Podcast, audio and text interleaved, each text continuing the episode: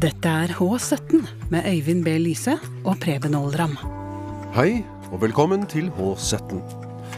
I dag har vi besøk av Janne Eraker, som er både steppdanser og musiker, og bruker steppdans som instrument sammen med andre musikere og dansere.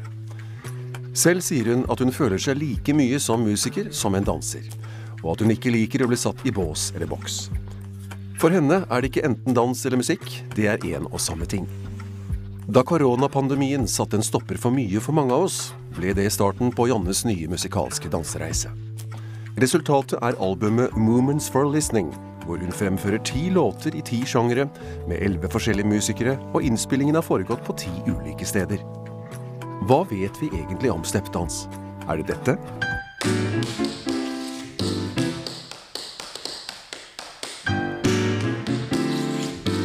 Eller dette? Eller kan det være dette? Vi skal høre noen utdrag fra hennes kommende album, og bli bedre kjent med steppdanseren, musikeren og ikke minst personen Janne Eraker. Hallo. Ja, uh, Janne, velkommen hit. Takk skal du ha. Vi kjenner hverandre litt fra før av via min kone Siri. Eh, Som er en del av eh, det danse, nye danse, Dansens Haus. Dansens Haus, ja. Et eh, arbeidsrom for dansekunstnere i Oslo. Eh, vi har holdt på et år, og det er helt fantastisk. Det er veldig bra. Og det er det mange som syns. Eh, og vi kommer litt mer inn på det etter hvert. Men eh, denne podkasten skulle vært eh, Vi skulle gjort det tidligere, men da ble det jo liksom avlyst pga. at jeg fikk korona, husker jeg. Og så kom korona, og så kom Det, kom, det, egentlig, det var mer korona, korona. ja. Så kom korona, så kom korona. Ja. men som Preben sa innledningsvis, nå er vi her. Og vi er jo her for å prate litt om din dansekarriere og hva du har gjort, hvor du kommer fra, og hvor du er nå, og hvor du skal. Og ikke minst litt om det, de nye ja, hva heter det, lydfilene du slipper nå, måned for måned. Mm, album. Album. Men jeg tenkte først så må vi, tenkte jeg da er det naturlig å begynne fra begynnelsen. Og da tar vi rett og slett Hvor er du født, og når? Jeg ble født i Marburg. Det er en by i Tyskland. I 1980. Kjempelenge siden. Yes. Og hvor gikk du på skole de første årene? Eh, vi flytta mye rundt, men så landa vi på Strømmen akkurat tidsnok til å begynne i første klasse. Mm. og der gikk jeg eh, på skole helt til jeg skulle på videregående i Lillestrøm på musikkdans drama. Og var det da tiden kom for at du begynte å bevege deg? Eller hadde du beveget deg eller eh, med bevissthet, kan man si det, før, før du begynte på Lillestrøm videregående? uh, ja, jeg var alltid glad i å danse, og eh, det tok litt tid før jeg eh, fant danseskolene, men før det så rakk jeg å bli med mamma på sånn her balkanske dansekvelder og den type dansetrening. Og så har jeg vært innom sånn her konkurransedansing som heter freestyle disco jazz. Wow. Eh, det er egentlig helt forferdelig, men det var veldig gøy, for jeg fikk danse til beaten, ikke sant? Ja. Det var ikke så gøy at det var konkurranse, men jeg trodde at det var det eneste man kunne gjøre den gangen. Og så fant jeg Fikk jeg komme inn på danselinja der, og da var det eh, streng beskjed om å catch up på ballett. Eh, Så da trente jeg for harde livet ballett for å liksom få i gang teknikken min. Eh, Etter videregående tok jeg et år på at det het ettårig forstudium i dans. Det var på spin-off, men det var med de lærerne som nå driver Høgskolen for dansekunst. Eh, så det var veldig sånn samtidsdans og moderne dans eh, hver dag og hele tiden. Og litt ballett. Og eh, da ble jeg ganske sikker på at jeg skulle klare å tåle å danse hver dag.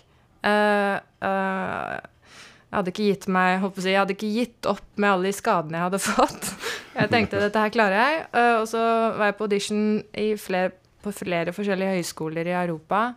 Eh, og så endte jeg opp i, i Rotterdam på dansehøyskolen der, som heter Code Arts. Og, og da eh, flyttet du dit, ikke sant, og Ja. bodde der.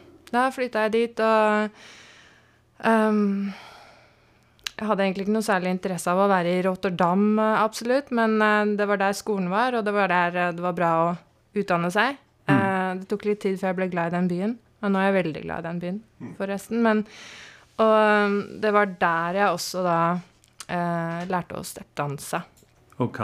Fordi den skolen Grunnen til at jeg dro dit, var at eh, den gangen så kunne man ta sånn slags hovedfag moderne dans og hovedfag jazz. Altså at jeg ikke trengte å velge om jeg skulle være en jazzdanser eller en moderne danser. Kunne gjøre begge deler der, og det var en stor grunn til at jeg dro akkurat dit.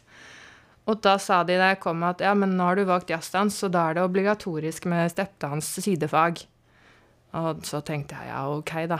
Greit. Og så gjorde jeg det, og ble ganske god, men skjønte liksom ikke helt eh, greia med det. og så tok jeg et år i New York, og da så jeg noen steppdanse på ordentlig. så da skjønte jeg hva som var greia. Og siden det så har jeg ikke sluppet tak.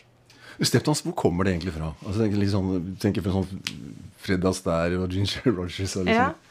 Eh, altså, perkussive danseformer fins jo overalt i hele verden, og Europa har en ganske Altså, det fins eh, mange typer sånn perkussive fotdanser, holdt på å si, i England, eksempel, eller irsk steppdans er jo en veldig gammel danseform.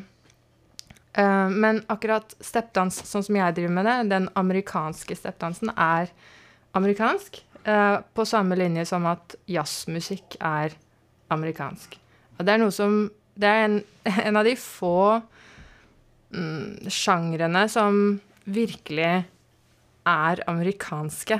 Altså som ikke egentlig kommer et annet sted fra, men som faktisk oppsto der, i den smeltedigelen som er eh, Amerika.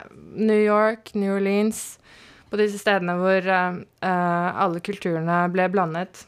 Eh, og de liksom europeiske danseformene fant de afrikanske rytmene og ble synkopert og ble eh, svingt, altså fikk swing.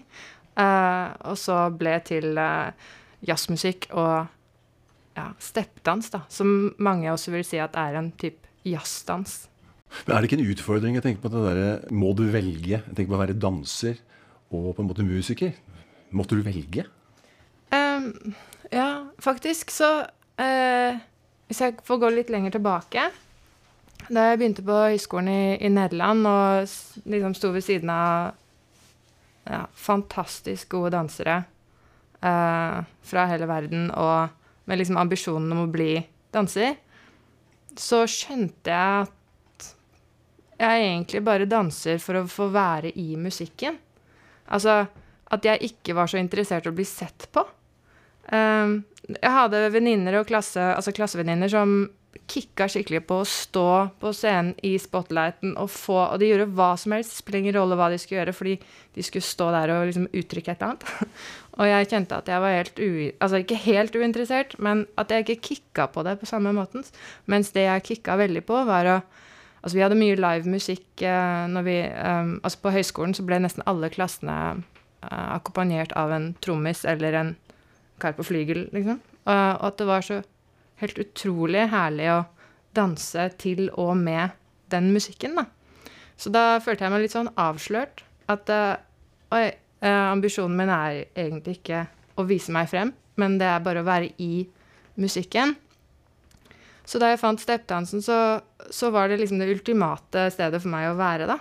Fordi da kunne jeg være, være i musikken og lage musikken og bevege kroppen. Så det maksa liksom ut på hvorfor jeg gjør det jeg gjør, da. Jobber du nå like mye sammen med andre eh, dansere eh, som du jobber med musikere? Eh, nå, de siste fem-seks årene, så har jeg fokusert veldig på å utvikle meg selv som musiserende steppdanser. Uh, og jeg griper tak i enhver musiker som går forbi, og jeg finner penger til å betale musikere for å jobbe med meg. Altså, jeg er helt sånn ganske ekstrem i, i um, hva jeg pusher, og hvordan jeg organiserer ting for å liksom uh, lære av og med musikere for å få i gang ting som går den retningen. Så, så jeg har sluppet ganske taket på uh, si, vanlig dansing. Uh, det nærmeste egentlig jeg kommer, er det at jeg også jobber i et kompani i Tyskland. Um, et av Europas veldig få steppdanskompanier med Europas beste steppdansere er der. og eh, vi har fem eller seks eh, eh, eh, Hva heter det på norsk? Liksom evening length productions. Altså forestillinger som varer mer enn en time.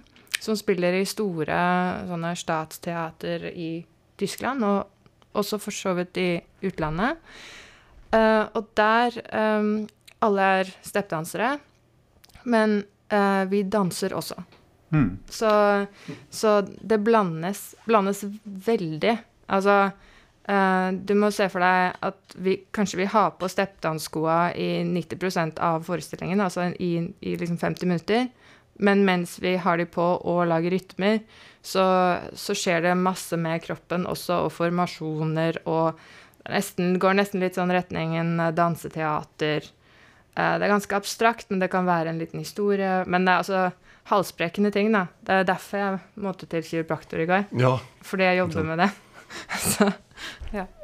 hva skal til for å bli en god steppedanser? Det blir jo litt sånn sikkert eh, teknisk, men er det eh, Er det bare rytmisk forståelse eh, i forhold til underdelinger og hvordan man går i forhold til en puls, eller er det også fysiske forutsetninger som må Mm. til? Det er et godt spørsmål. Det henger veldig sammen, da. Og hvis eh, at du vil bli en steppdanser på linje med liksom Eller i stilen til Fred Astaire, da, for eksempel. Da må du jo også kunne ballroom-danse og kanskje helst også ha litt ballettbakgrunn og kunne strekke armer og bein og sånn. Uh, hvis du vil bli en eh, Ja, dette er ikke amerikansk steppdans, men irske steppdansere de står jo rett opp og ned med armene langs siden, og de jobber sikkert kjempehardt for å få det til og se ut som at ingenting skjer på overkroppen og alt skjer nede. Eh, de fleste steppdanserne jeg kjenner, har en ganske ukontrollert og tilfeldig kropp.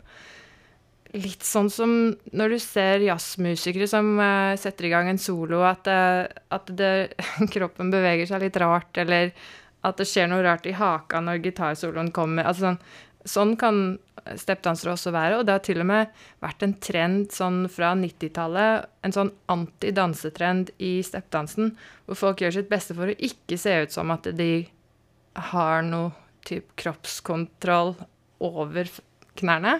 Fordi det er mye kulere å se ut som du liksom, I don't give a shit, og jeg er bare sånn yeah. Ikke sant? Eh, men, men eh, jeg um, Altså, jeg bruker jo kroppen, hele kroppen, for å føle musikken, sånn at jeg kan lage musikken. Uh, og noen ganger betyr det at uh, jeg kjenner kroppen helt ut i fingerspissene, og så lager jeg en bitte liten lyd med tåa, liksom. Og andre ganger så betyr det at jeg hopper rundt og liksom bruker all vekta med, og så Altså sånn uh, For meg så er hele kroppen instrumentet. Og hvis du vil bli en teknisk, liksom virtuos steppdanser, som klarer det beste og det raskeste og det vanskeligste osv., da må du jo være bevisst resten av kroppen. Fordi altså, det er litt sånn at du kan jo ikke bli god på trommer heller hvis du ikke vet hvordan du skal eh, liksom ergonomisk korrekt eh, bevege armen, og hvordan du sitter på stolen osv. Så, videre. så, så Og det der er så nyansert at at jeg kommer til å fortsette å lære og trene og finpusse til jeg blir 80. Så øh, absolutt, liksom øh, Kroppskontroll er kjempeviktig for steppdans. Og så fins det mange som får til ganske mye uten Altså med dårlig teknikk, men da blir det jo fort skader.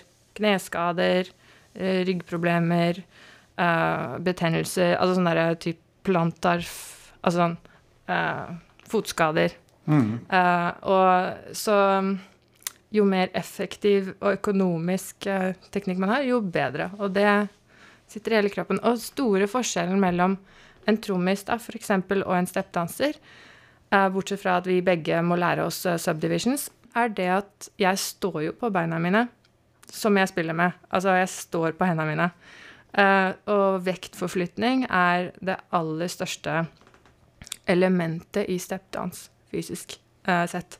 Uh, hvis du ikke klarer å flytte vekta fort fra ett bein til et annet og tilbake, da blir du aldri en bra steppdanser.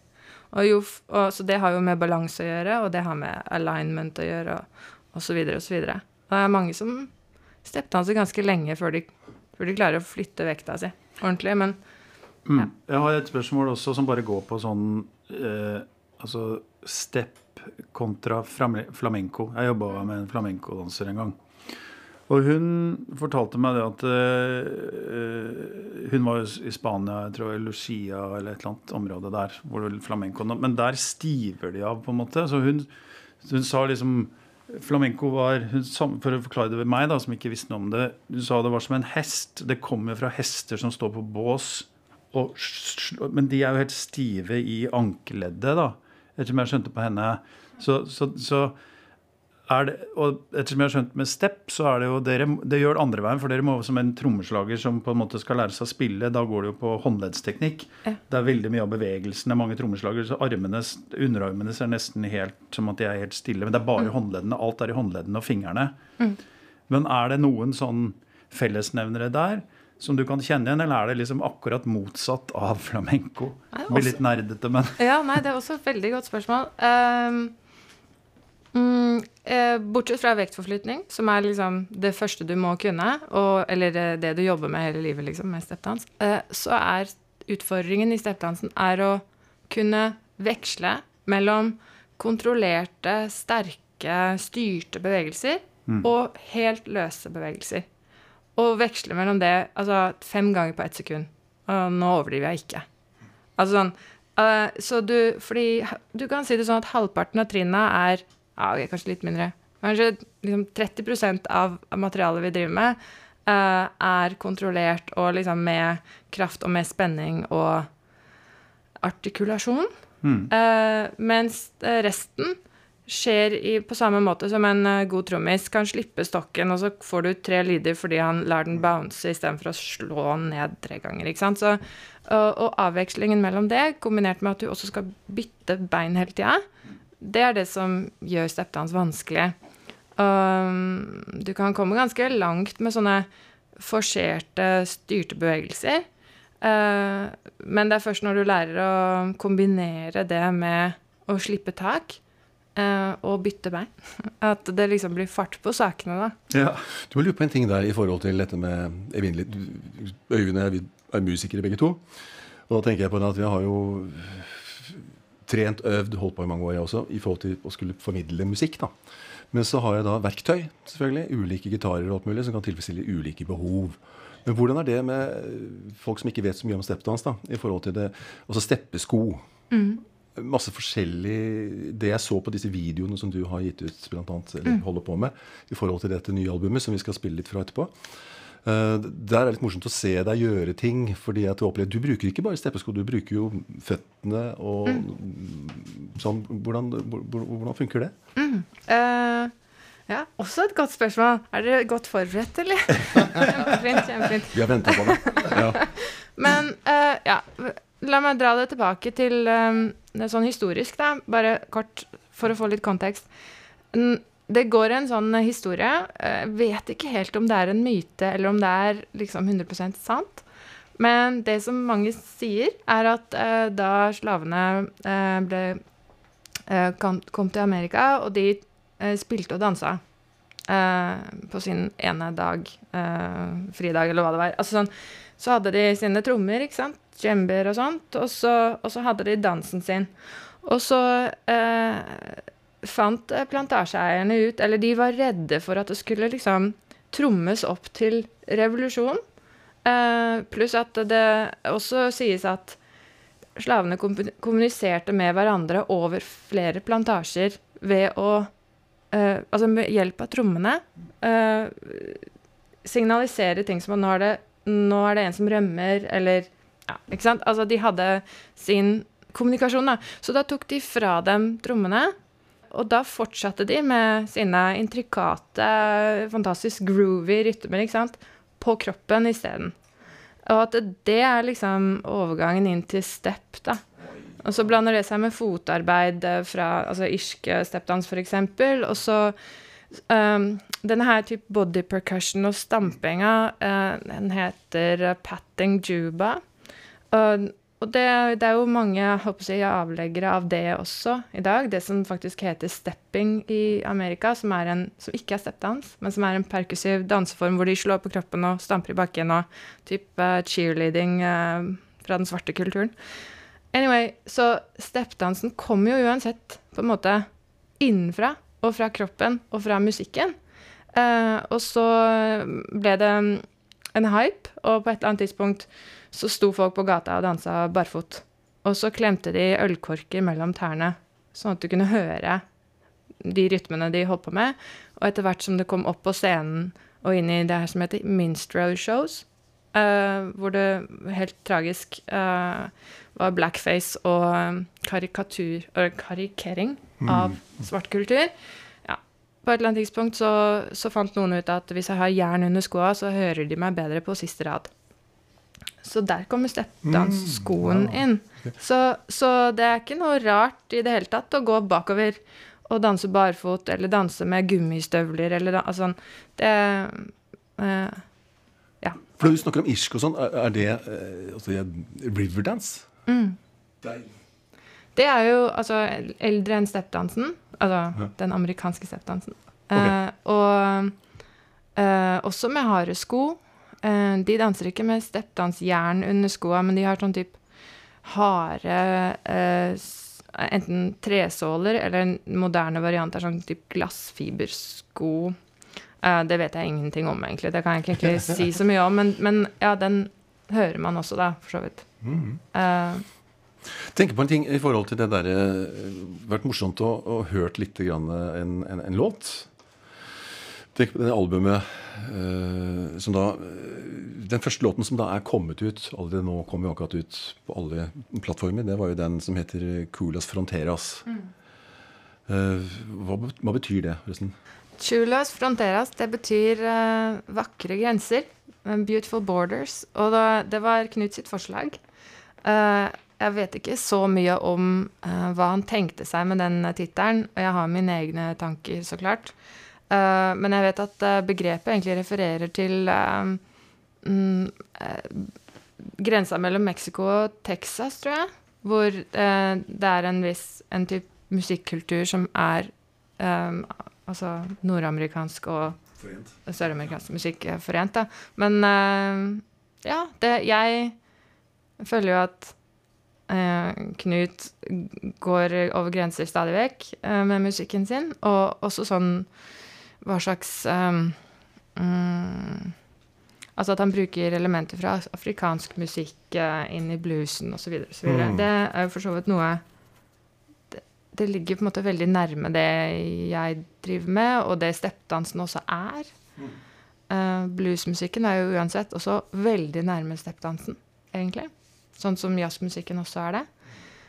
Så ut fra den, ut tenk på ut fra denne låta her, da, så er det jo det et morsom prosess. For det, eh, nå har jeg både hørt, eller vi har hørt låta, og også sett den. For det som er morsomt med dette, er at du også parallellfører det, dokumenterer det jo også på, på video. Og det syns jeg er litt spennende, fordi det er som vi var så vidt inne på i stad, at da avdekkes det plutselig ting. Én ting er å bare konsentrere seg om lyden og høre hva som skjer. Så kan du på en måte, når du gjør det da sammen med en musiker eller andre musikere, så kan man oppleve oi, det var jo en morsom lyd som kommer fra det instrumentet. Fordi du forbinder det kanskje ikke med føtter. da. Og der er det litt av den prosessen. Knut han spiller jo på en type som jeg kaller for dobbeltdekker. da. Altså en to, double neck. Ja, imponerende gitar. Ja, og det det er jo basert i utgangspunktet på at det er to forskjellige typer stemminger. Så den ene har litt mer bassløsninger, og den andre er litt lysere. Og jeg ser jo at han har basert først på å lage typen bassriff i begynnelsen. Og så, Hvor er det, hvor er dette spilt inn? Ja, i Jakob kirke, da. Eh, der, der du ser det på videoen. Uh, uh, ja, det var, det var spesielt, fordi jeg altså For det første har jeg jo ikke noe erf særlig erfaring med å spille inn musikk i det hele tatt. Men jeg har liksom tenkt ok, vi jobber fram en sang, og så setter vi på alle mikkene, og så spiller vi den. Men, men Knut hadde en annen idé. Han snakket om at vi skulle liksom ta opp i biter. Altså Han legger først en basslinje, og så legger han noe oppå der. Og så skulle Audun uh, loope det sånn at det blir masse minutter som jeg da kan bare freestyle over en stund. Og så klipper vi noe ut av det, og så spilte vi et sånt lite mellomlegg. Og så kom, kom vi til slutten, og da hadde jeg ikke faktisk eh, lagt noen plan for slutten. Ikke jeg i hvert fall ennå. Så, så da prøvde jeg meg bare litt fram. Eh, spilte inn litt midt på kirkegulvet der, og så syns jeg det låt eh, Ja, ikke forferdelig, men det passa ikke til det sangen håper jeg, var i gang med å bli. Eh, og så endte jeg opp på den på sanda barfot. Så tok vi to takes av det, og så mm, et par uker senere så møttes vi i studio, og da Ja, det var da sangen ble ferdig, da. Som jo er så sprøtt for meg, da. At uh, da sitter man der med alle de filene og alle de bitene, og så tar vi litt av den, og så hadde jeg hørt gjennom hva jeg likte av det jeg gjorde og ikke likte, så så jeg, kan vi ta det klippet av meg med de minuttene, for der syns jeg liksom det går bra. Og så sånn mix and match, og så, og så ble låta ferdig der, da. Og så låter det jo veldig fint. da. Altså, det, er jo, det, det bærer jo preg av at det er en uh en feinschmecker på opptak av lyd og Audun, ja. Audun Strype. Heldig der. Ja, heldig der. Mm. Veldig, veldig veldig bra. Og han, gjør, han, kan gjøre hva han vil òg, så det er gøy. Så det er tydelig ja. at han også syns det er gøy å jobbe med deg og dere, da. Ja, nei, det har vært, eh, jeg har vært så glad for å finne han. Det, han øh, ble med på øh, den første plata jeg noen gang har vært med på, nemlig Ghoul Variations, som er med trioen min One Small Step. Og da var det Den kom ut i november. Og den lagde vi fordi uh, vi skulle egentlig vært på turné, men det skjedde jo ikke, så da lagde vi plate isteden. Og da sa Roger ja, la oss ringe Audun Strype, og jeg bare hvem er det? Så, og først så var det litt sånn Jeg var litt skeptisk, og jeg vet ikke om han var skeptisk, men så ble vi kjent på den innspillingen, og så hørte jeg på det han hadde tatt opp, og så kunne jeg liksom senke skuldrene og bare Ja, nei, det, det er en som skjønner hvordan jeg, jeg vil at det skal låte. Så det var veldig Jeg ble kjempeglad. Jeg fikk helt sånn Åh, uh, heldig at, uh, at, det går an. Så kult. kult. Da skal vi bare høre på den uh, første låta, som da er gitt ut allerede nå. Og dette er jo da litt interessant. Skal vi slippe ett spor i måneden. Mm. Men, og dette er da første. Januar. Mm. Ok, her kommer den.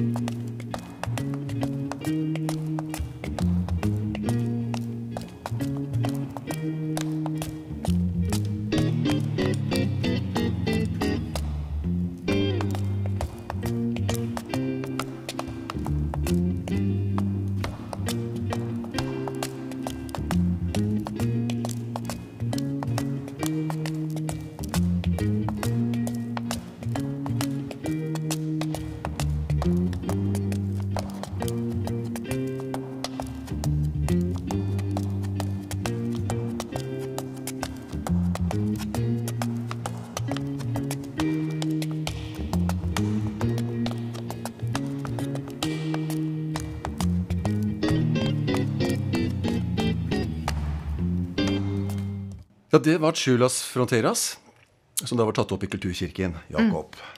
Og det var første låt som da er gitt ut fra albumet som ja. du er aktuell med nå. Du gir ut én låt i måneden. Mm. Det er kult. Hvordan kom du på det?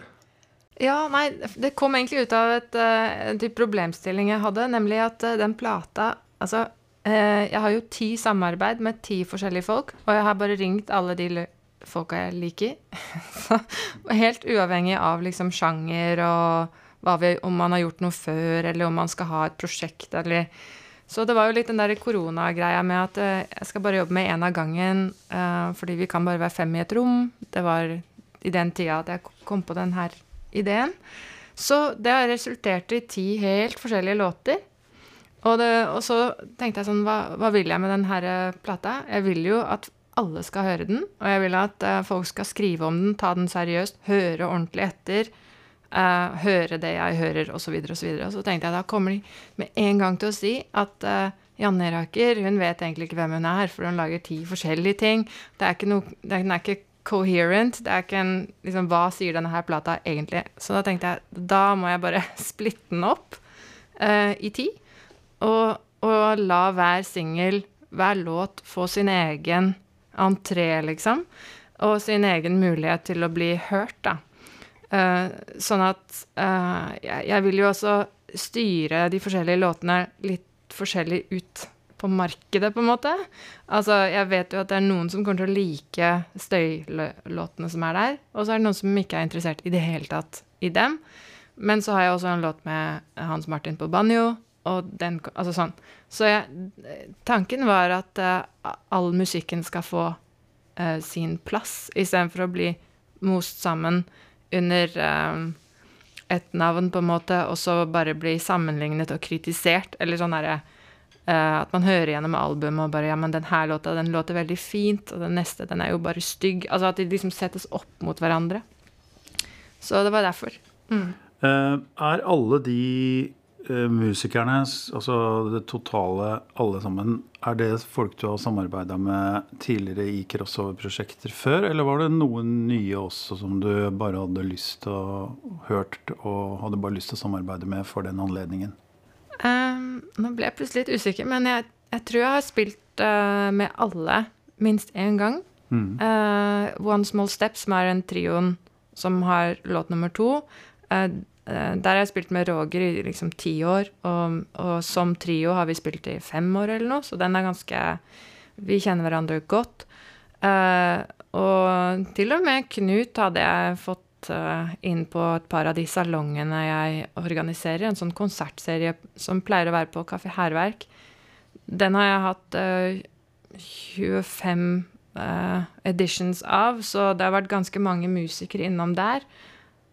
Og jeg tror nesten alle på plata har vært på en sånn salong en gang. Altså mm. Juliana Wenther har vært der, Harald Fetveit, Hans Martin har vært der, Anders Kregnes Hansen osv. osv. Så, uh, så uh, jeg har, hadde gode erfaringer med alle. Og gode inntrykk. Altså sånn åh, denne personen er så inspirerende, og jeg vil lære av han eller henne. Og jeg vil finne ut hva som skjer når det bare er oss to en hel dag eller fire dager i strekk. Og hva, hva, får vi til da? Så det var uh, kjempeinspirasjon da, til, å, til, prosjektet. Du har en litt sånn morsom, morsom uh, versjon også av en uh, Det er kanskje den eneste låta som er av en, en coverlåt. En cute. Mm. Med uh, David Skinner. Yes. Han har du jobbet med, jobbet med før? Ja. Um, han har vært litt involvert i steppdansmiljøet tilfeldigvis, og, og, vært så tøff at han har spilt på en del av sånne type jams som vi har. Det er ikke bare bare for en musiker å tåle. Uh, nei, han er helt uh, briljant. Han uh, kommer jo fra jazzen, og det er veldig Jeg har spilt på mange av hans konserter også, som stepdance-solist, på en måte. veldig naturlig og lett og gøy kombi. Og, det, der er det bare sånn, for å avbryte da, Når jeg hørte den, så hørte jeg hjemme sammen med Siri, så, så, ble det sånn Det er på en måte der limte, klikka det inn i forhold til min erfaring. For den er, den er sånn Altså, det er jo på en måte Hva heter den uh, pianostilen hvor du spiller Liksom ragtime? Ragtime sånn. style, liksom. Ja. Og det var liksom Der er det liksom Der lima det i, i, forhold til min mm. historiske ballast. Helt. Mm. Ja. Så jeg skjønner at det Når du sier det, så det, For det er jo, da er det et veldig Det er kanskje det stedet på den, de utgivelsene som jeg har hørt på nå, som hvor du er liksom på en måte som jeg kaller i senter, da, mm. i forhold til hva kanskje folk har hørt, og hvordan for, folk forholder seg overfor Stepp fra før av. Mm. Mm. Men også det de som har hørt den, altså den type låt. da, og tenk på sånn som ja. du har det. For det, du, du, altså Dere har jo valgt et sånn forrykende tempo. Ja. Der, der går det unna. Ja, altså eh, Det som også er kult med David, da, som gjør at det er enda mer spennende å jobbe med han, er at han både har den historiske Altså, han kan alt eh, fra den epoken, holdt på å si. Men så er han helt fri i hvordan han bruker det, da. Så, og, og helt sånn hemningsløs, og også veldig uh, oppfinnsom. Uh, og så Ja, så det er en fryd å jobbe med han, og jeg lærer alltid masse. Og i løpet av pandemien så ble jeg litt gæren, sånn som vi alle ble. Og da skrev jeg til han kan ikke du være så snill foreslå en låt som jeg kan begynne å jobbe med til dette albumet. Og han var midt i å pusse opp leiligheten, men han satte seg ned og spilte inn en sånn midi-versjon av Cute i 5-4, da. Den gikk ganske langsomt. Og det var kjempevanskelig uh, for meg, fordi jeg vet ikke om dere kjenner oppsi, originalen, men den har jo masse sånne lommer til uh, uh, trommisen å spille sånn brush-solo. Og disse lommene er sånn kjempelange, og hva skal man gjøre, liksom, og hvordan skal jeg holde meg interessant, og bla, bla, bla.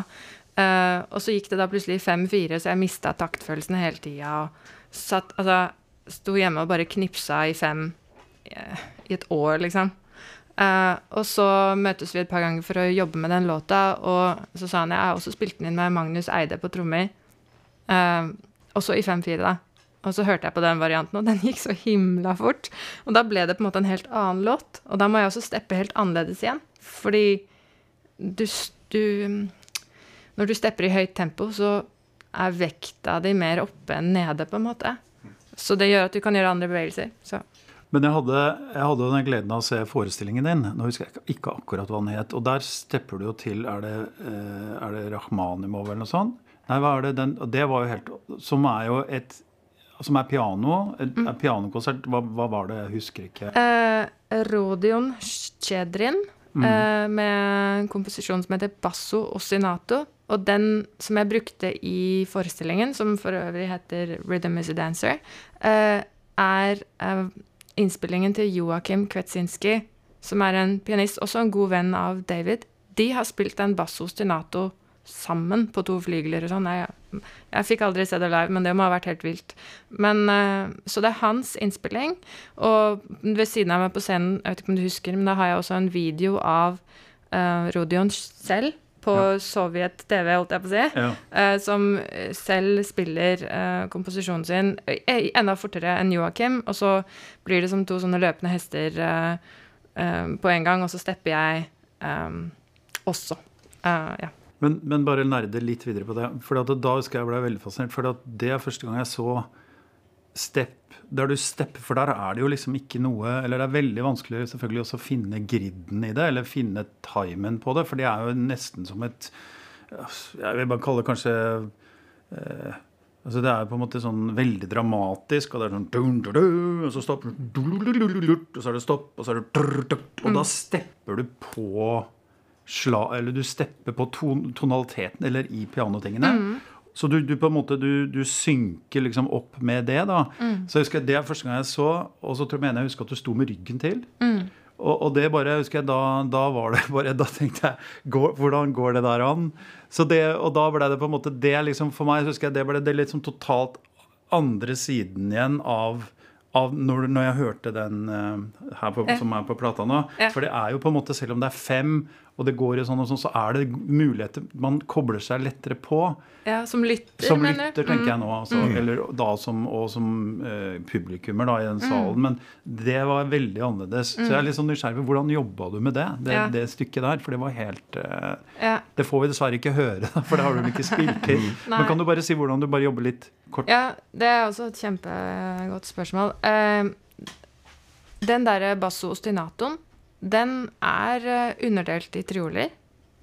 Så det går fint an å gjøre helt vanlig swingstep til den. Altså sånn, Det passer i griden, liksom. Uh, og da jeg begynte å jobbe med den uh, med bassoen, så uh, i, Altså, da bare Jeg improviserte selvfølgelig rundt i flere timer og kjente veldig på at jeg kan sånn matematisk gjøre triolbaserte steppdanstrinn, som er det vi har masse, masse, masse av. Men, men det føles ikke riktig. Uh, for det, den låta der svinger jo ikke sånn som en jazzlåt svinger. Uh, den har en helt annen fil, da. Den er jo altså sånn dundrende som en sånn maskin som liksom ruller fremover. Og så den melodien som er i basso stinato, altså den uh, liksom solisthånda, det den spiller, det ligger jo på de triolene, men det er så langt unna uh, noe som ville vært naturlig for meg. Uh, altså, det er helt sånn Hva heter det på norsk?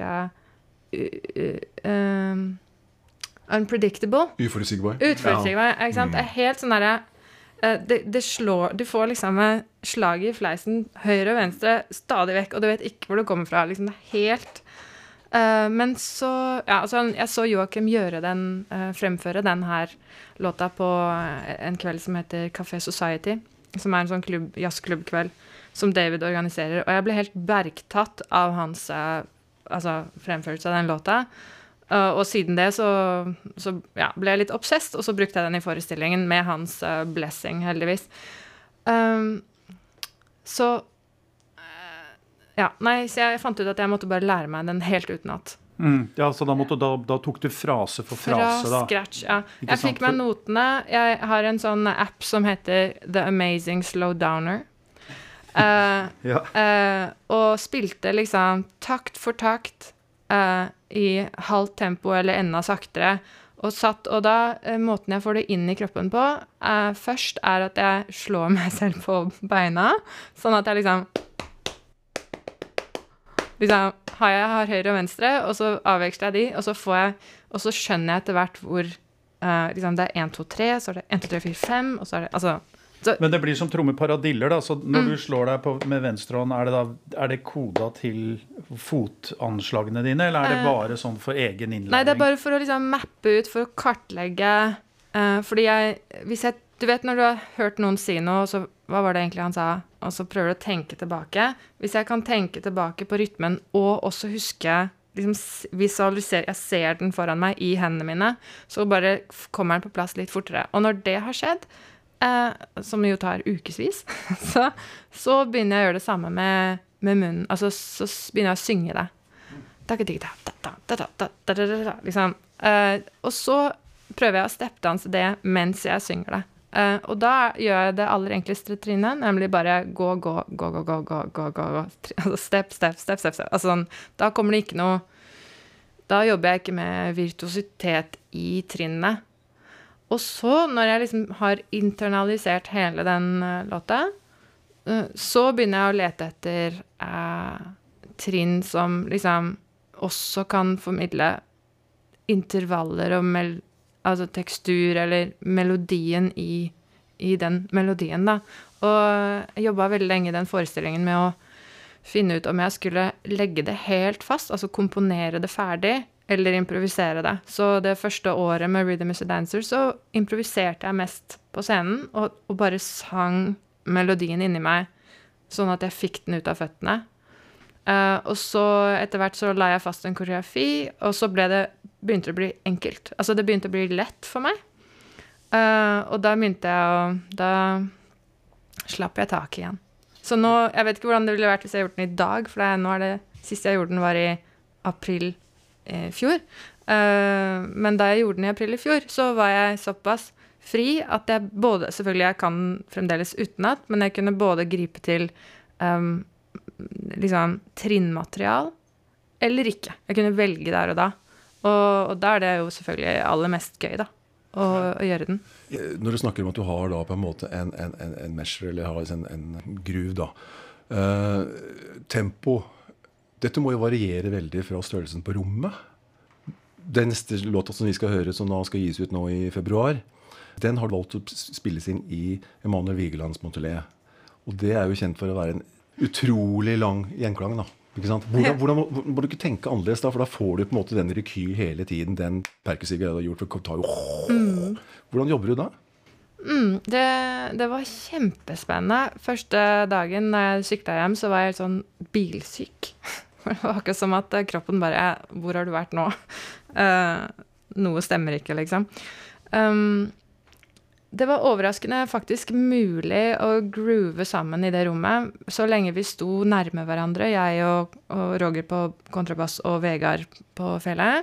Så lenge vi liksom sto så nærme som vi sitter nå, uh, så kunne vi uh, spille in time, hvis vi ville det.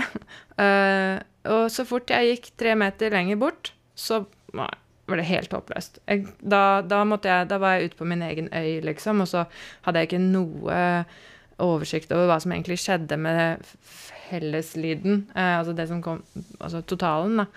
Um, det var helt sprøtt. Og det, det, som også var sprøtt Jeg jobber jo også gjerne med litt sånn uh, klimpring og uh, jobber med hender i en vanncontainer eller med noe stepdansjern eller uh, liksom fingerbøler, whatever. Jeg har mye sånn stæsj. Og når jeg, um, Litt sånn den derre triangellyden når du smeller to steppdansjern på hverandre. Jeg i, da jeg gjorde den i mausoleet, så kunne jeg på en måte se slash høre hvordan den lyden sånn fra å pinge sånn rett foran nesa mi til å bare forsvinne langt ut, og så komme tilbake igjen. Det var som en sånn akvarellmaling liksom som bare sklei ut, og så kom inn igjen. Og Og jeg så jo ikke lyden, men det var akkurat som at man ikke kunne se den, fordi den da virkelig returnerte igjen, da. Uh, så det var, det var, helt sprøtt. Og Vegard er, På den låta jeg, som er på plata, så gjør han ikke det, men på andre Altså, vi har jo liksom ti innspillinger til, fordi vi improviserte hele dagen. Og der plystrer han og synger han, og så kommer tonene tilbake, og så har han liksom akkorder med seg selv. Det er jo helt vilt. Men, de, de, de, du gjør det sammen med det er et ensemble som du har holdt på med en stund, One Step? ikke uh, One Small Step, ja. Vi, vi, har holdt på i ca. fem år og vært på et par små turneer sammen. og uh, Det er håper jeg, ren impro. Vi har aldri en score eller noe som helst. Uh, og det um, Alle elementene som vi har, brukes. Så det er liksom Jeg steppdanser. Av og til gjør jeg også litt mer typ vanlig dans. Samtidsdans. Hender at jeg synger. Uh, Vegard er ute og danser ganske mye. Stamper rundt og spiller fele og synger og Sist vi hadde forestilling i Amsterdam uh, for en måned siden, så avviklet Roger bassen sin mens vi spilte. Han hadde sånn reisebass som man kunne ta fra hverandre. Så da blir det litt sånn performance. Mm. Skal vi høre på den låta? La oss gjøre det. Fort, Hvem er det som er med på sporet, bare med fulle navn? Dette er Roger Arntzen på bass. Vegard Vårdal ja, Han spiller faktisk ikke fele i det hele tatt på denne låta her, men han er med å lage lyd. Offisielt som felespiller, men han, her er han Jeg kan si her er han folkedanseren, da, som han, som han jo også er. Og, og, så er det meg på uh, step og litt sånn løse jern. Mm. Og strype på opptak. Strype på opptak. Som alltid. Her er Share Variations.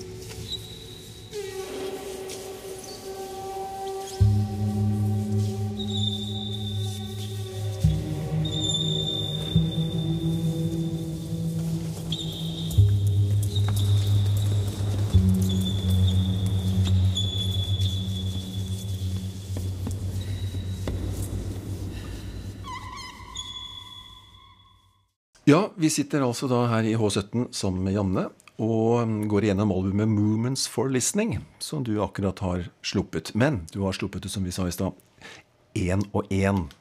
Mm. Et, et digital singel, er det ikke det du gjør? Mm. Heter egentlig, ikke sant?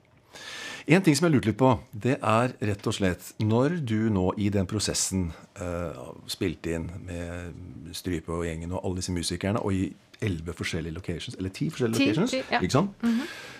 Eh, når du da får så god mulighet til å høre gjennom opptak, kanskje få det med deg hjem, sette det på øret, sette det på båsanlegget ditt, eller jeg vet ikke hva slags anlegg du har, men i hvert fall uansett høre det der. er det mye som blir annerledes i den prosessen når du står og spiller det inn, selv om du står med headset og alt mulig sånne ting, og setter deg selv som lytter etterpå? Er det veldig stor forskjell? Hvordan er opplevelsen av det?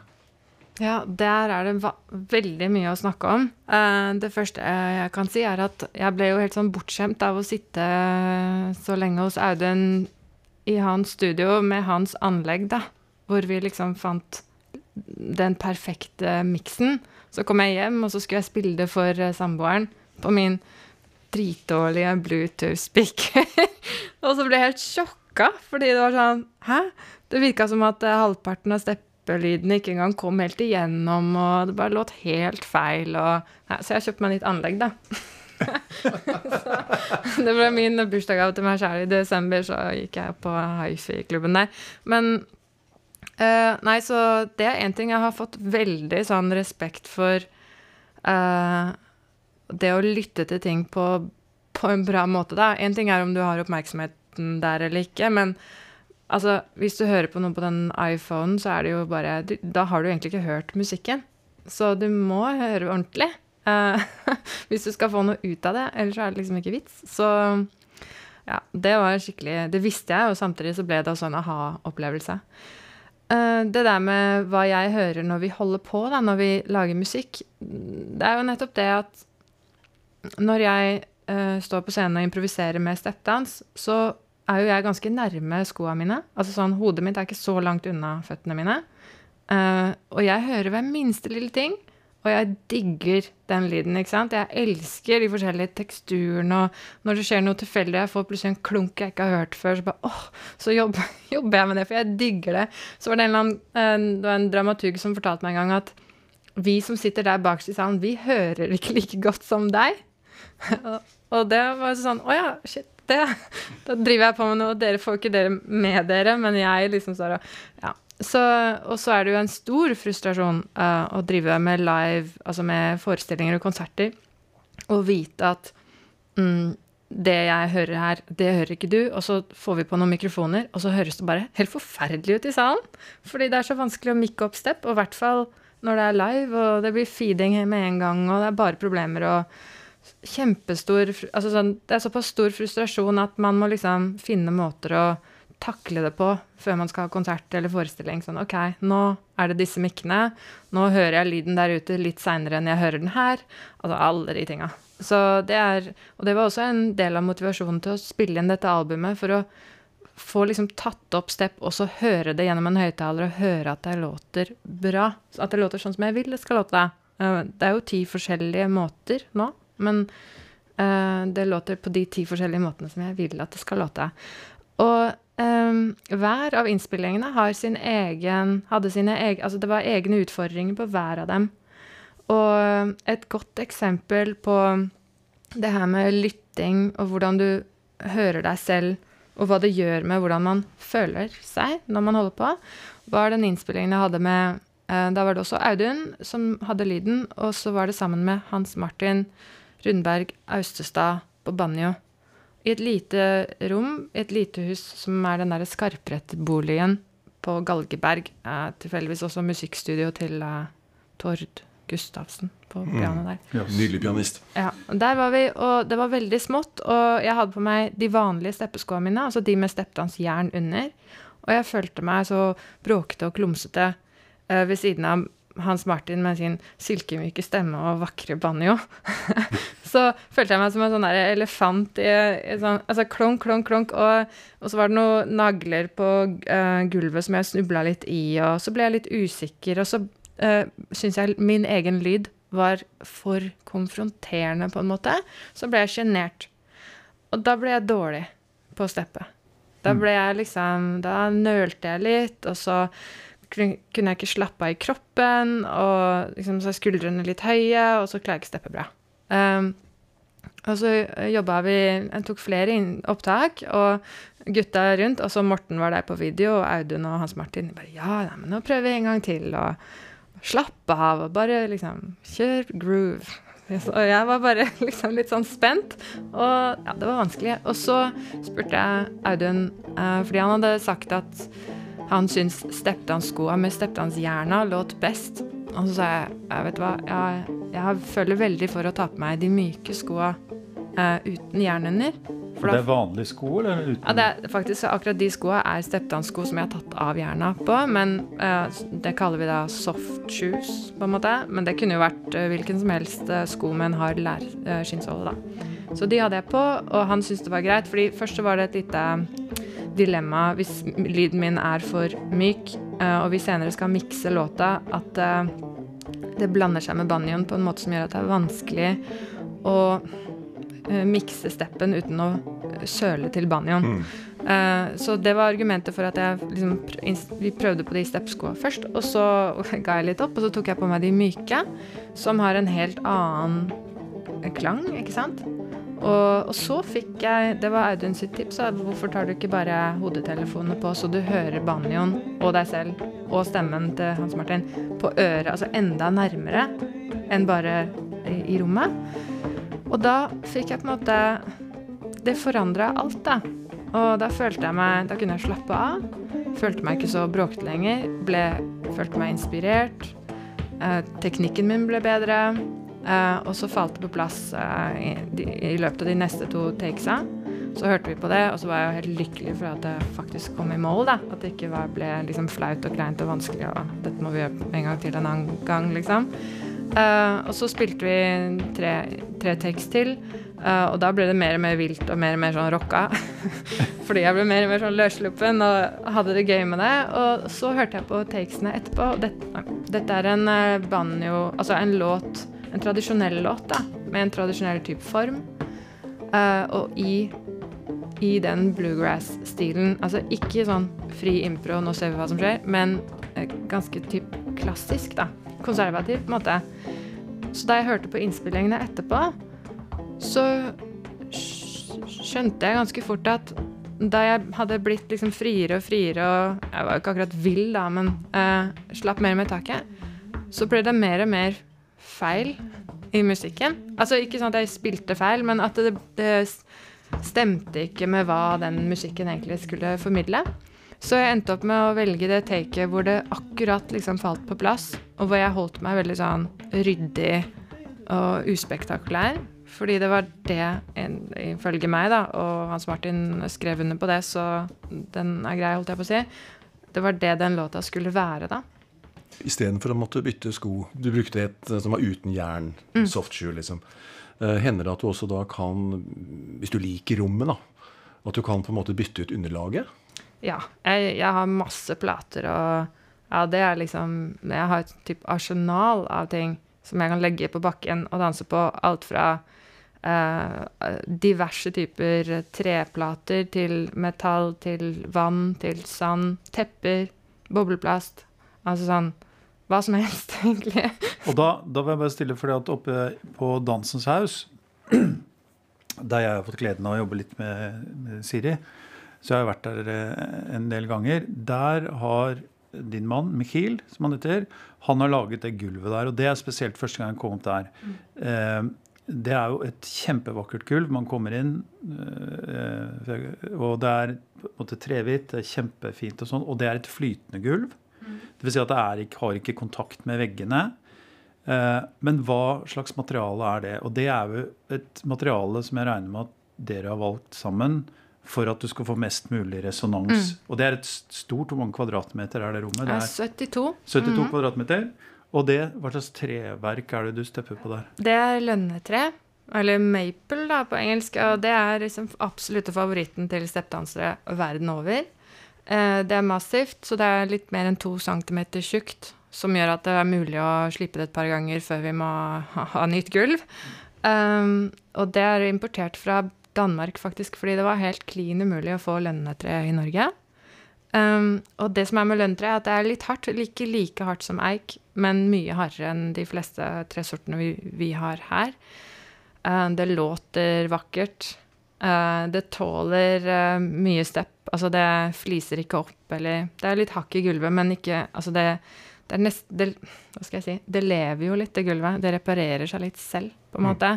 Uh, det er olja, ikke lakka, sånn at det ikke skal liksom Overflaten kan ikke knekkes på samme måten som hvis det er et lakka parkettgulv. Og det blir også en fin gli på det, hvis man eh, vil slide rundt, som vi veldig gjerne gjør når vi stepper. Og for ytterligere å gå ned i det kaninhullet, eh, for folk som er opptatt av akustikk, så har jeg også, fordi jeg har vært der selv, så har jeg sett at det er, du har også lagt noen sånne for det blir jo, altså Når du jobber på en, så stor flate, da, så vil jo lyden forandre seg ut ifra ting. Så det er jo også lydplater i taket, har jeg sett du har lagt noen mm. steder.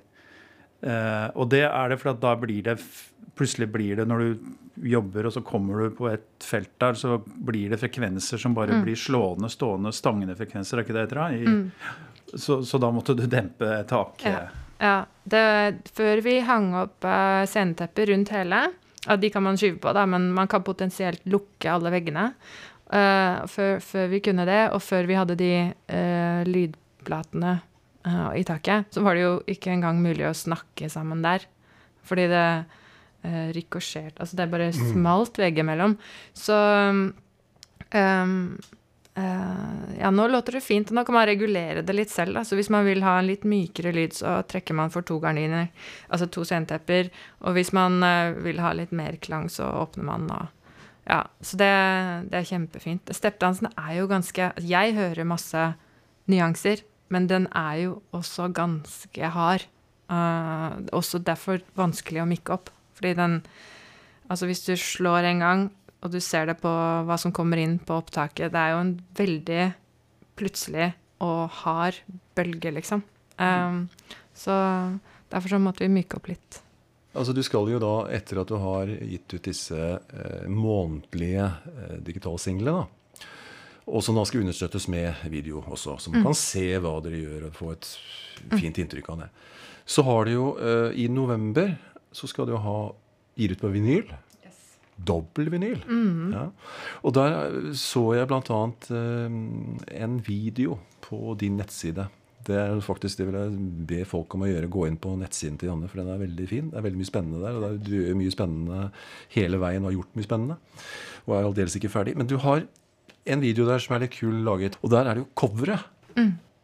Så fikk jeg så respekt for det når jeg da så han som heter Dan Botlek. Ja, helt riktig. Som, eh, som da står og maler dette her. Fy fader, mm. for en prosess. Mm.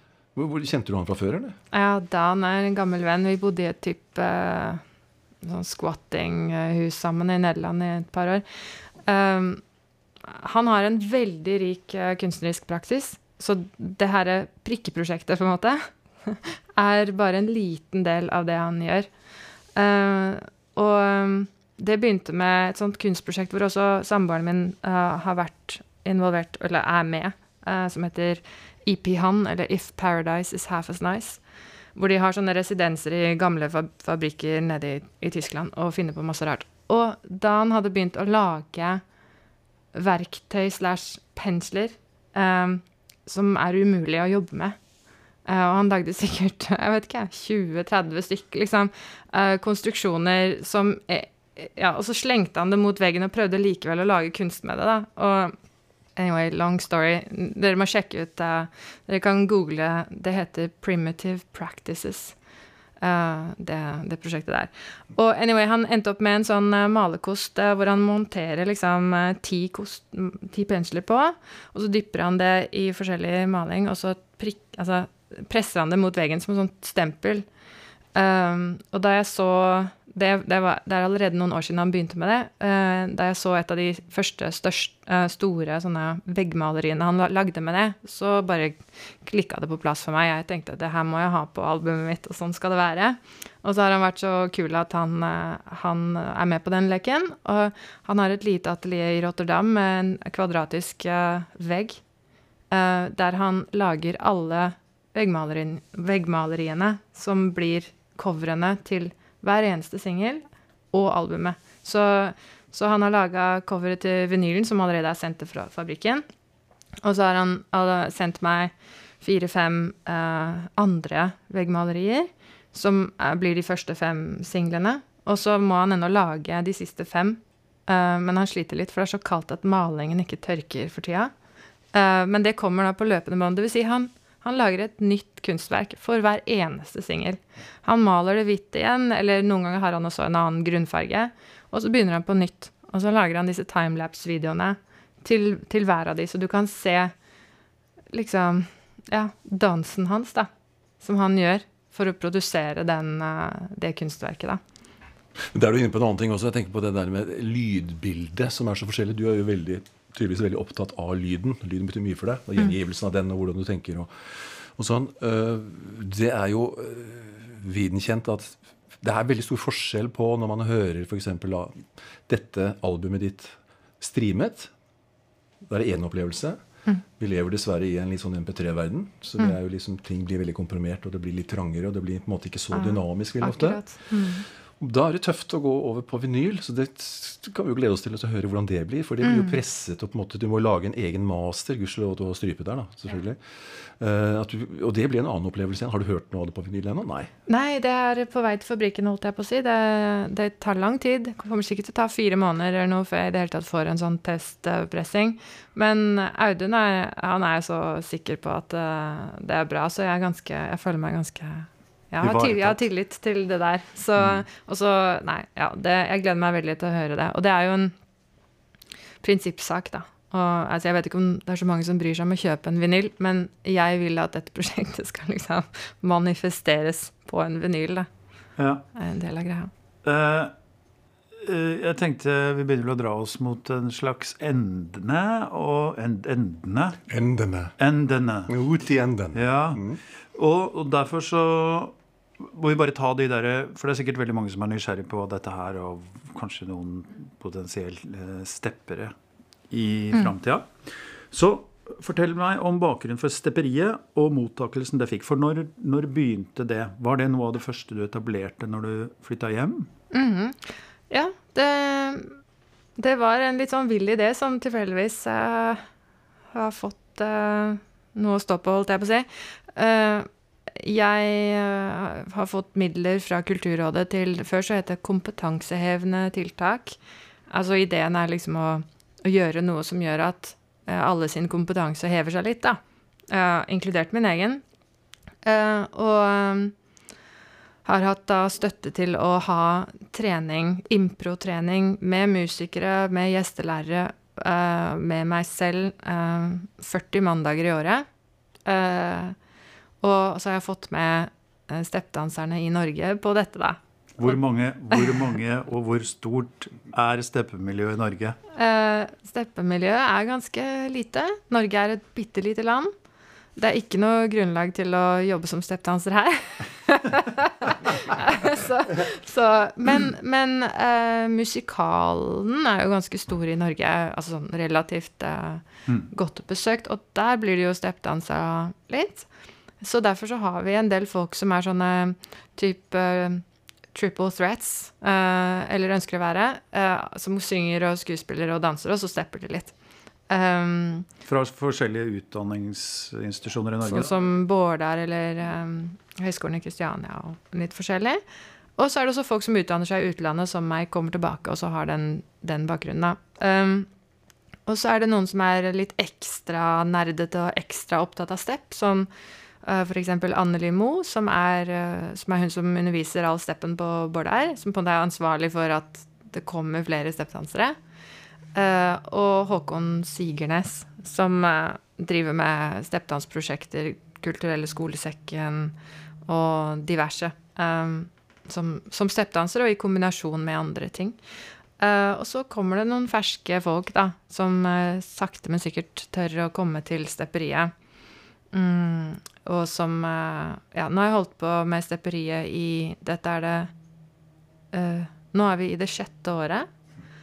Og jeg kan se at det har en uh, veldig konstruktiv effekt på meg selv og på mine kolleger, og særlig på de som eh, er mer ferske, og som de tar på en måte ganske store sprang eh, fordi de får trent en del, fordi de får ja, rett og slett undervisning av meg, eller også av gjestelærere, og, da, og det er veldig fint å se. det tar tid, men det skjer, da. Dette er H17 med Øyvind B. Lise og Preben Oldram.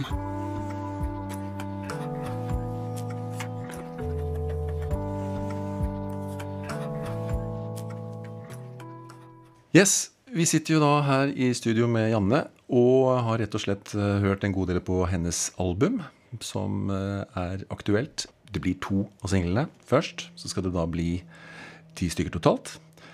Movements for listening. Vi har en veldig god nabo som pusser opp over oss, så jeg håper det blir fint. Norsk Jazzforum, hva tenker du da? Ja, altså Norsk Jazzforum er kjempeviktig og veldig nyttig. Og de er veldig sånn eh, raske på ballen i den forstand at det går an å få litt støtte og litt hjelp der eh, ganske plutselig og med en gang. Så det er ikke så rigid og vanskelig som f.eks. Kulturrådet. Eh, så det lønner seg å være medlem av Norsk Jazzforum som musiker. Uh, dra på årsmøtene og være med på litt politisk arbeid, til og med, kanskje. Så, og jeg har vært medlem der en stund nå. Det var litt vanskelig å komme inn, fordi havnet i det typiske spørsmålet om er det egentlig dans, er det egentlig musikk? Og litt den derre 'du må velge', som jo jeg ikke vil, for jeg syns at det er begge deler. apropos, jeg gir ut album, men jeg syns fremdeles det også er dans. Så det er ikke sånn at jeg snur meg fra den ene til den andre. Um, men ja, jeg søkte om å få være med i forbindelse med at jeg skulle på turné med Harald Fetveit, og vi skulle søke støtte. Og da fikk jeg jo nei, da, fordi eh, du er jo danser, og du skal søke på andre steder. Bli med på, danse, bli med på en danseklubb isteden. Han er såkalt støy, støymusiker, er ikke det? Ja, Harald er støymusiker, så det ble litt, litt rart at uh, min steppdans ikke skulle kunne gjelde som musikk når han kan sitte og skru på knotter og, og, og, og være musiker. Mm. Så, og Harald eh, backa meg veldig opp og bare nei, det må du klage på. Så jeg sendte lange mailer til, til Jazzforum om bakgrunnen til Step, om historien, hvordan det henger sammen med jazzmusikken, hvordan jeg bruker den på scenen eh, som musikk eh, osv. osv. Så, så, så da hadde de et par omganger i, i styret sitt der. Eh, og og fikk nei en gang til, da. Um, og så heldigvis så klarte jeg å lokke ut uh, en av de uh, snille karene på kontoret der til å komme og høre på konsert. Så da, og det var notabene med to andre steppdansere også, så vi var tre steppdansere og Roger på bass og Vegard på fele. Og da var det greit med en gang. Da fikk jeg være, være med. Og siden det så har de støtta mange av de tingene jeg organiserer. og og det har gjort det mulig å betale musikere, betale meg selv. Og, så det har generert eh, mye da, å få være med der. Man må ikke gi seg. Nei, man skal ikke gi seg. så kult, så kult. Du, en liten ting som jeg tenker på synes er også veldig interessant, da, som jeg vet at du har jobbet en del med, Janne, det er jo altså trygg, trigging. Mm -hmm. Prøv å forklare litt kanskje for lyttere som ikke vet hva det er. Men det vil si at du du får korrigere meg. Det er vel snakk om at du har på en måte to ulike mikrofonelementer som, du har, som, som gjør at når du da bruker føttene, så trigges det, settes det i gang en lyd. Og i en konsert i Stavanger blant annet, så brukte du jo dette på orgel. Mm -hmm. Ja, det, litt, det, har vært forskjellige varianter, eh, og jeg skjønner ikke halvparten av det tekniske selv, egentlig. Men det som var i, i Stavanger, var at uh, jeg hadde mikrofoner under hver sko, altså sånn rett foran hælen. Uh, og så går det kabler opp til en sender som jeg har i beltet, og så går den lyden inn i uh, type midi-anlegg, uh, som Nils Henrik Asheim da hadde på en sånn iPad, hvor han kunne styre hva jeg skulle få kunne styre. Så han hadde hele orgelet der på iPaden, og så kunne han liksom gi meg de høye tonene eller de lave, det lave registeret eller og så steppa jeg rundt på scenen, og, og så fulgte orgelet Altså, det var helt synkront med hva jeg steppa. Og det var ganske vilt, fordi særlig de store pipene, de er jo så treige. Uh, så da blir det en bitte liten sånn delay mellom meg og orgelet. Og de uh, Ja, de små pipene, holdt på å si, var mer direkte. Men det var likevel helt sammen, da. Jeg kunne spille orgelet. Uh, og så er det ganske stor scene òg, så jeg fikk liksom bruke hele rommet. Og ja, det, nei, det var helt vanvittig. Lille meg og så det anlegget der, liksom. Og publikum likte det, tenker jeg? Ja, eh, det var Jeg vet ikke om alle Altså Noen ganger etter sånne type konserter så får jeg den kommentaren om at eh, hvordan har du øvd for å få til å danse helt likt med musikken? Så, så må jeg forklare at ja, men det var, jeg, jeg styrte jo musikken. Så det, noen ganger så kan man ikke helt tro det, så da interpreterer man det bare på en annen måte. Men de fleste uh, skjønte det vel, og det er jo, det er jo gøy. Mm. Janne Heraker, det har vært kjempehyggelig med den praten her. Og er det noe mer vi lurer på, Eivind? Jeg har ett spørsmål. Ja? Hvem er din steppehelt? Har du, du har jo sikkert noen helter. Det er litt vanskelig. Men hvis, vi skal bare, hvis du kan remse opp kanskje tre? Mm. Mm. Jeg må tenke meg litt om. Men altså, det blir helt naturlig å starte med min første stepdance-crush. Din første kjærlighet? Ja. Det er Michelle Dorrance. Hun er bare et år eldre enn meg. Uh, men da jeg så henne danse i 20, altså 2004 i New York, så Ja, da bare åpna det seg en hel dør, og det er der jeg er nå, så det er jo helt vilt. Og de gangene jeg ser henne på scenen, så er det Det er liksom det nærmeste jeg kommer en sånn følelse av at uh, Gud snakker til meg, eller et eller annet. så kjempegøy. Hun er helt rå. Uh, hun, er, hun, er, bare helt Hun er en fantastisk uh, groovy steppdanser. Helt egen, og i tillegg også veldig sånn Hva skal vi si inventive. Mm. Liksom, mm. er, hun, er, hun, sjangeroverskridende? Bruker hun liksom fra helt klassisk, eller det som defineres som liksom urstep, til nå, eller er hun mm. i én tids... Hun, hun, mestrer absolutt alt. Så du kan spørre henne om eh, sånn skikkelig old time eh, stepp, og så har, har, hun det i lomma, liksom. Men hun er også helt sånn banebrytende, både teknisk hva hun gjør, og koreografisk. Hun er en av de få steppdanserne som har klart å uh, nå i nyere tid uh, måtte bryte seg inn i den uh, store danseteaterverdenen, altså de store scenene. Hvor hun opptrer med kompaniet sitt, Doran's Dance, og fyller liksom den store salen i operaen. Og så sitter det 1000 folk, og så gjør hun det tre kvelder på rad. Og så er det tre forskjellige kvelder. Altså sånn Hun er helt ekstremt produktiv. Og jeg, vi er alle oppriktig bekymret av og til uh, for om hun får seg nok pause innimellom. For hun jobber seg halvt i hjel. Men, men, hun er helt fantastisk. Um, og sånn ellers så I Steppdansere liker veldig godt å prate om uh, fortiden. Og jeg vil egentlig ikke det så mye. Altså sånn Det er en type nostalgi og forherligelse av de gamle mesterne.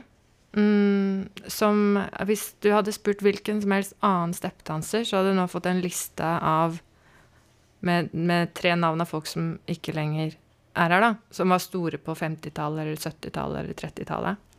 Og, og, jeg vet om alle de, og jeg har noen jeg liker der også. Mm. Uh, men jeg syns at uh, det skjer mye, veldig mye, i samtiden også. Det er bare litt vanskelig å finne. Som det er mer verdt å sette fokus på? Framover? Se framover? Jeg, jeg, ser gjerne framover. Og hvis jeg hadde hatt uh, tre timer til på den podkasten her, så hadde jeg gjerne sett litt bakover òg. Men jeg har ikke lyst til å bli sånn um, um, hengende i, i, fortiden. Og heller ikke liksom i sånn derre Da var det flott, og nå er det dritt.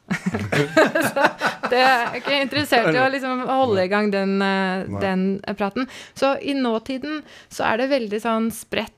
Uh, det er jo ikke en Stepdance er jo ikke megastort eh, på TV eller um, Ikke sant? Så, men samtidig så er stepdansmiljøet Vi vet hvem vi er.